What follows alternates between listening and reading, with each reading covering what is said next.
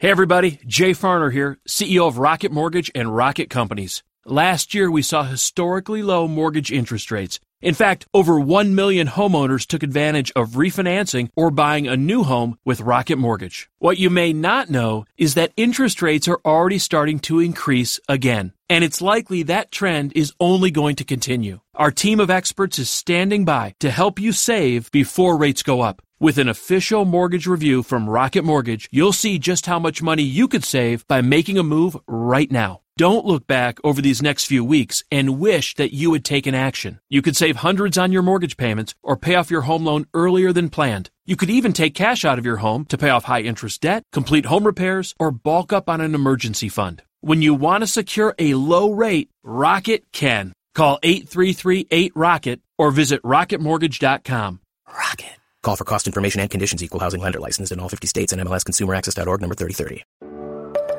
This is what matters most, and I'm Matt Popovits. Look, life is crazier than ever, and lots of people, maybe even you, are feeling anxious and overwhelmed. Today's message is designed to help you figure out what's most important and to experience the peace and joy that God intends for you. Because life is a gift, and it shouldn't be wasted on worry. I'd like to give you a resource, something to help you navigate the road ahead.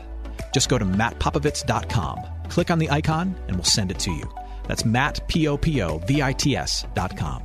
And hey, if you happen to live in the Houston area, I'd love to see you on a Sunday morning at St. Mark in Spring Branch. Head to stmarkhouston.org to plan your visit. Here's today's message. Thanks for listening. After Mother Teresa passed away, people were surprised to find certain writings inside of her private journal. Her private prayer journal was, was published, and people read words like this. Mother Teresa wrote, I am repulsed, empty, no faith, no love, no zeal. Saving souls holds no attraction. Heaven means nothing. Pray for me, please, that I keep smiling at him in spite of everything. Later, she wrote this. These words are to God. You have thrown me away as unwanted, unloved. I call, I cling, I want, and there is no one to answer, no one on whom I can cling, no, no one alone. Where is my faith? Even now, deep down, right in there is nothing but emptiness and darkness. My God. People were shocked to learn that this woman, who was the picture of faith and love in action, went through seasons, long seasons, of deep, dark, and tormenting doubt. And that's what we're going to talk about today. The first thing we have to do is just recognize that doubt exists. it, it is not opposed to faith, but it is rather a part of the life of faith. And all of us, whether you're here as a Christian or not, we are all people of faith, which means we are all susceptible to dark seasons of uncertainty and doubt. If you're not a Christian, uh, perhaps you have a, a worldview that says the natural world is where I go to for my certainty. Or maybe you are, you're kind of bought into secular humanism. You look at, look at the human creature as kind of the pinnacle of, of everything in this world, and, and you, you look at the advancement of the human being as as your source of certainty, of hope, and direction in this world. Whether you're a Christian and you look to Jesus for your sense of certainty, or, or whether you've kind of um, given yourself over to scientism, so to speak, and you look to the natural world for your sense of certainty, or you look to, to humanism for your sense of certainty, we are all ultimately people of faith. Uh, we're walking down a particular path in an attempt to get answers to questions that ultimately can't be answered in any kind of objective empirical sense. We're looking for a sense of certainty that can't ultimately be proven in the scientific method. We're all seeking those things, no matter what worldview we have, no matter what lens we view things through. And here's the interesting thing the number of things we can know for certain in this world like for certain, is pretty small. The whole field of, of things we can know with absolute certainty is not that large. I mean, 2 plus 2 equals 4 is something we can know for certain. Um, the, the whole is bigger than the part. That's something we can see and measure and test and something we know for certain. Dogs are better than cats. something we know for certain. But the things we can know for certain, they're not the things that give life meaning and purpose and joy and richness. Knowing that 2 plus 2 equals 4 or that the, the whole is bigger than the part is, is certainly something that we can know beyond the shadow of a doubt, but it doesn't give meaning and direction to your life. Not, not at all. No, it's, it's the big questions. It's the big questions like, why am I here? Do I matter? Is there a God? What is good? What is right? It's the universal assertions that, that life is a gift or that all children deserve love or that justice is important. It's those big things that add meaning and purpose and richness to life. And yet none of those big questions or universal assertions are things that can be known for certain. They are things we pursue, things we believe, but things that ultimately we latch onto by faith. We pursue those particular questions, those universal assertions. We pursue certainty on those things on our particular path, whether your path is Christianity or your path is the sciences or your path is, is humanism, whatever it is. We're all pursuing a sense of certainty that is ultimately just outside of our grasp on big questions and some universal assertions that add meaning and substance and purpose to life, but ultimately can't be proven, and whatever path you're on require faith. Requires faith. And so, since we're all people of faith, what we have to recognize is that we are all going to have seasons of doubt. Seasons where our certainty about the road that we're on in answering those questions is shaken. We saw a, picture of that in, in Peter trying to walk on the water. Jesus, Jesus calls him out onto the water, and, and Peter is walking on the water, and so long as his eyes are fixed on Jesus, he's walking the path towards Jesus with Jesus as the object of his faith, he's able to walk on the water. But then what happens? Uh, the, the winds howl and the waves get larger, and his certainty about the path he's on, and the person he's focused at, his certainty is shaken. And he starts to sink. And that happens to everybody, no matter what your worldview is. And so here's how we deal with it. This, this is my proposition to you that, that there, there is a way to deal honestly with your uncertainty. There is a way to deal honestly with your seasons of doubt. And the first thing that we do is that we admit them if we're all people of faith and we all have moments and seasons of uncertainty about the things that we believe, about the path that we're on, the best thing that we can do is admit it. Uh, we can admit it. The worst thing that we can do is hold on to it and pretend that it doesn't exist because then it will slowly rob us of peace and joy and it will erode our sense of well being. It's like knowing that there's a, a leak in your bathroom and that every time you take a shower, a little bit of water gets underneath the bathtub. If you pretend it doesn't exist, that's how mold grows and the wood gets warped. Uh, the best way to deal with it, but it's not convenient, is to rip up some of the tile, make a bit of a mess, and expose the issue. But that's not fun. The same is true with, with our doubts. You can pretend it doesn't exist, but it's going to eat away at things. The best thing you can do is admit it, and it's messy and it's inconvenient. Ultimately, it requires a lot of vulnerability. But the thing you need to do is admit it first to yourself I have uncertainties. Then admit it to someone around you. I am not so sure. And ultimately admit it to God. And what you'll find is that though that is not easy, though it is vulnerable to say to your spouse, I'm not so sure what I believe right now, or, or to whisper in a prayer, I don't know if I trust you anymore, what you'll discover is that that vulnerability creates intimacy. And that intimacy can change everything. That when you, you share your uncertainties with someone next to you, what you'll discover is that, oh, surprise, you're not alone. And that you now have the opportunity to discuss big and deep things, things that they have probably wrestled with too. And you grow closer, and it's good. And also, in admitting them to God, what you'll find is that if, you, if you're a, a follower of Jesus, when you admit your, your uncertainty, to God. He doesn't push you away, He doesn't reject you, but rather He does some of His best work in some of your most doubting seasons. That's a theme throughout the Christian faith. God does His best work when you are at the end of your rope. Uh, think about what you know about the Christian narrative. All of the major players in the story of, of how God is saving the world through Jesus Christ. Every single one of the major players is a person, a man or a woman, who at some point struggled to believe God. They struggled with their sense of certainty about who God was, what He was asking of them, and yet God met them in their uncertainty, and He, he forgave, He upheld, He transformed, He loved, and He will do the same for you. Think about, think about Mary, the mother of Jesus.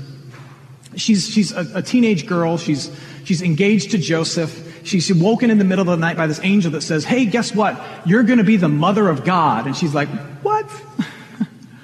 Her first instinct is uncertainty. Her first instinct is doubt. And you hear it in her words. She says, How can this be? How can this be? But she admitted her doubt to the angel. And because she admitted her doubt to God through the angel, she was then able to receive something back from God, something that, that comforted her and has comforted billions of people around the world throughout history who have heard these words too. She said to the angel, How can this be? And the angel looked at her and said, Nothing is impossible with God. And yet, had she not been willing to admit her uncertainty, she never would have heard the words of comfort. Admit that you have doubts. To the people around you, to the God above you, and trust that it will draw you closer to the person next to you, and that God will work in your doubt to do something for your good. Once you've admitted that you have doubts and uncertainties, now you can really do something about it. Hey, friends, it's Matt. If you're listening to us in Houston, and you're looking for an excellent education in a Christian setting for your student, I'm inviting you to take a tour of St. Mark Lutheran School in Spring Branch. We serve infants through eighth grade with an excellent faculty, brand new facilities, and a faith forward curriculum. To schedule your tour, head to gostmark.org. That's G O S T M A R K dot org to schedule your tour today. St. Mark Lutheran School. It's excellent education for your son, your daughter, your little one. Now, back to today's message. After we have admitted them, we interrogate them. We put them under a bright light and we look at them. We, we ask a whole bunch of questions about them. We poke at them, we prod at them, and we, we try to discover what the real issue is underneath the doubt.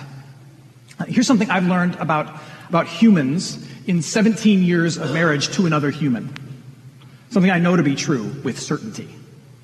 That oftentimes, when, when, when we are mad at each other, me and my wife, the thing we're talking about is not the thing we're actually mad about. Like the thing we say we're mad about usually is not the thing we're actually mad about. It takes some discussion to get underneath the surface and discover what the real issue is. You kind of have to interrogate it.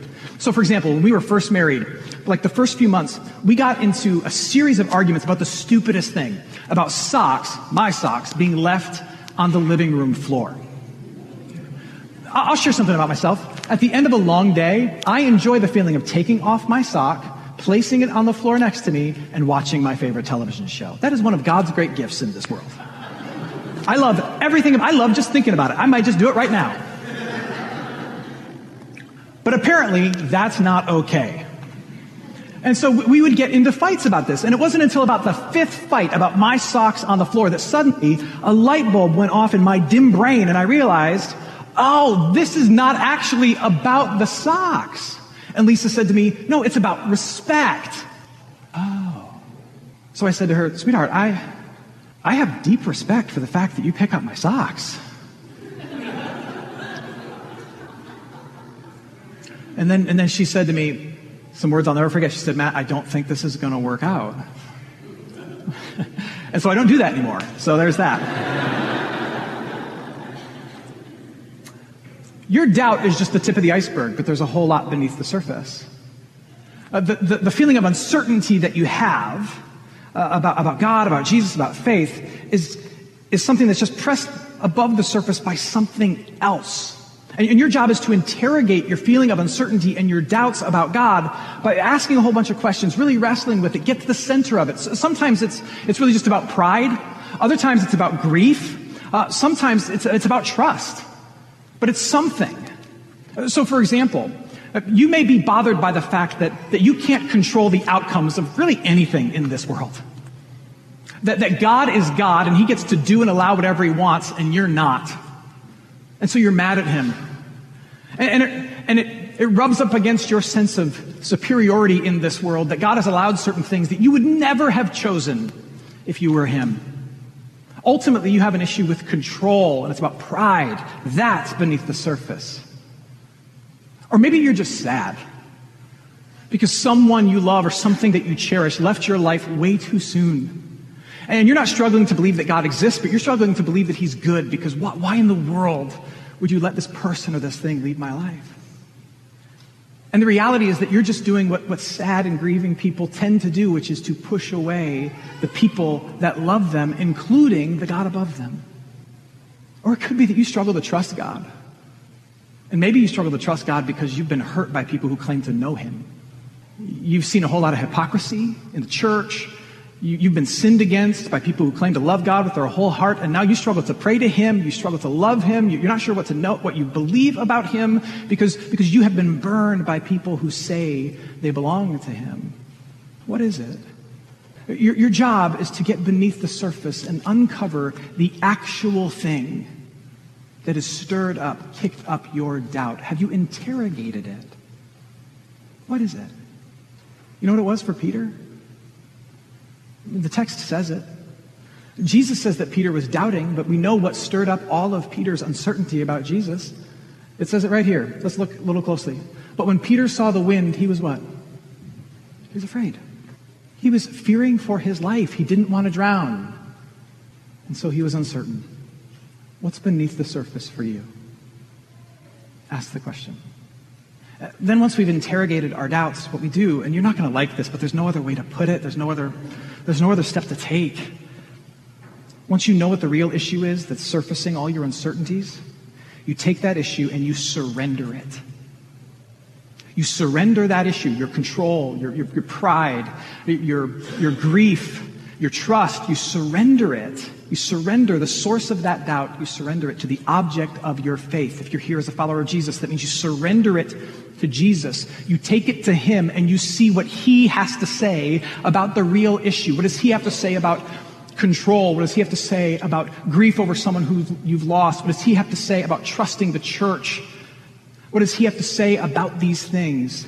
And see if His answer to the root issue offers you any peace and I would say that, that what you should do is, even if you're not a Christian, but you're on one of these other paths where you're trying to find certainty through, through the natural world or through humanism or through whatever it is, that once you uncover the issue underneath your doubt in your particular worldview, that you take it to the source of your worldview too. You take it to the object of your faith too. And see what it says to you. And see if what the Christian faith would say in response doesn't outshine what the source of your faith would say in response. For example, if you have kind of given yourself over to naturalism, that the natural world will give you certainty about that which is unknowable, and you have issues with control because the world is a chaotic place, and, and, and you have uncertainty about the particular worldview that you're in because you, you realize that at a moment's notice a meteor could strike this planet and render everything useless, and you wonder if, if, there's really any point or purpose to this life, since it's so chaotic, it seems to be so devoid of meaning. You start to wrestle with that. Take that uncertainty that you have, that lack of control that you have, and take it to the natural world and see what the natural world will say to your need for control and meaning and purpose. See what it'll say.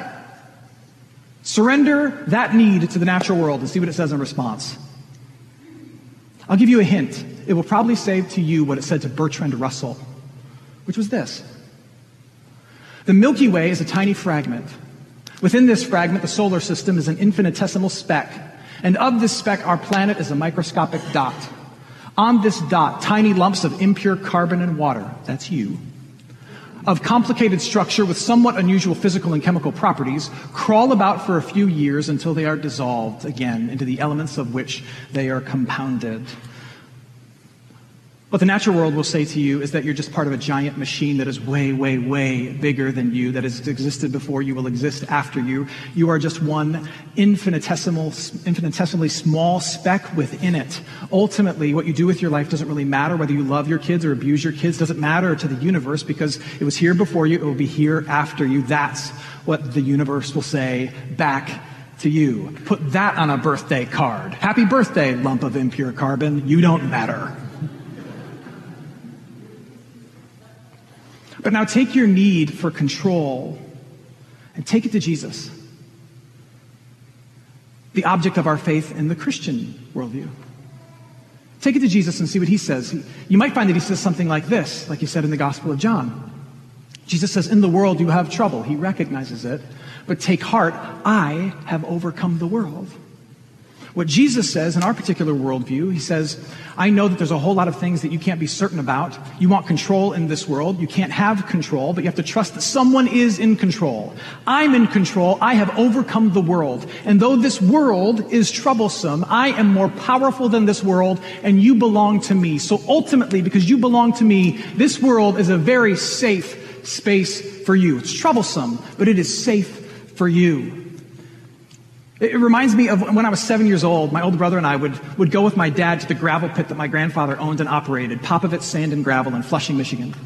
And my dad, who worked there part time, he would put us in the bucket of one of the cranes and he would lift us up and he would kind of move us around and swing us around like a carnival ride. It was awesome.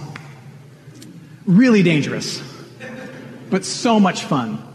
But because my dad, who was unbelievably capable and cautious, but so much fun, was at the helm, we never feared because we were ultimately in the hands of our very good father.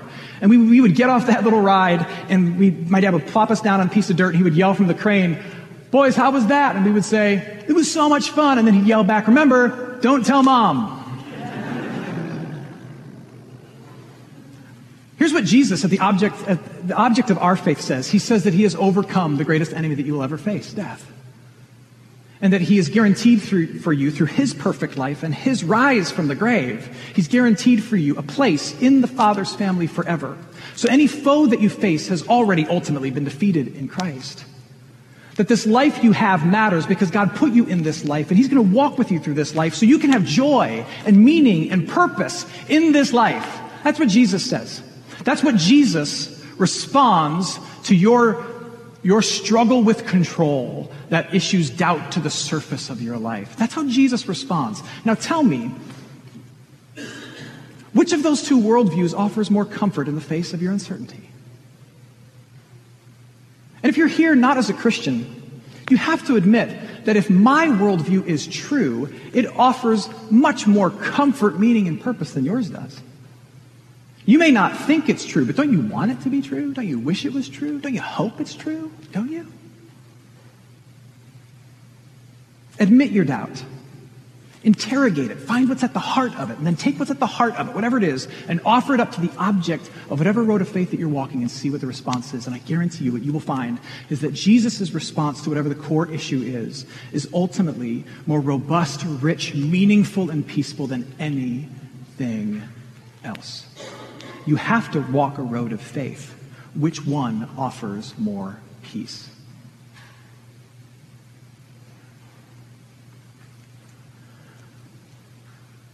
We all live by faith. And living by faith means that we will at times have our certainty shaken and we will have doubts. The issue is not if you have a season of deep, dark doubt, but what you do with it. Admit it Interrogate it.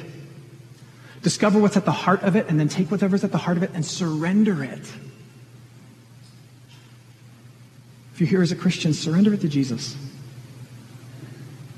Or if you're here and you're not a Christian and you think that ultimately your worldview doesn't give quite as much comfort when you discover what the core issue is, I'd invite you to remember what happened to Peter as he started to sink in the water. Peter started to sink and he called out to Jesus. And he discovered that Jesus was right there, close enough to grab him, lift him up, and save him. He took his doubt and his fear and he shouted it at Jesus. And Jesus did not let him down. Jesus did not let him drown. And he won't let you down either. You don't have to doubt it. Just try it. Let's see what happens. Hey, it's Matt. I hope you enjoyed what matters most. Here's what I need you to know life is a gift, and it shouldn't be wasted on worry. I want to help you figure out what's most important and to experience the peace and joy that God intends for you. So, for more content, you can head to mattpopovits.com. That's Matt, P O P O V I T S.com. There, you can also support this ministry as well as access your free resource, a little something to help you navigate the road ahead.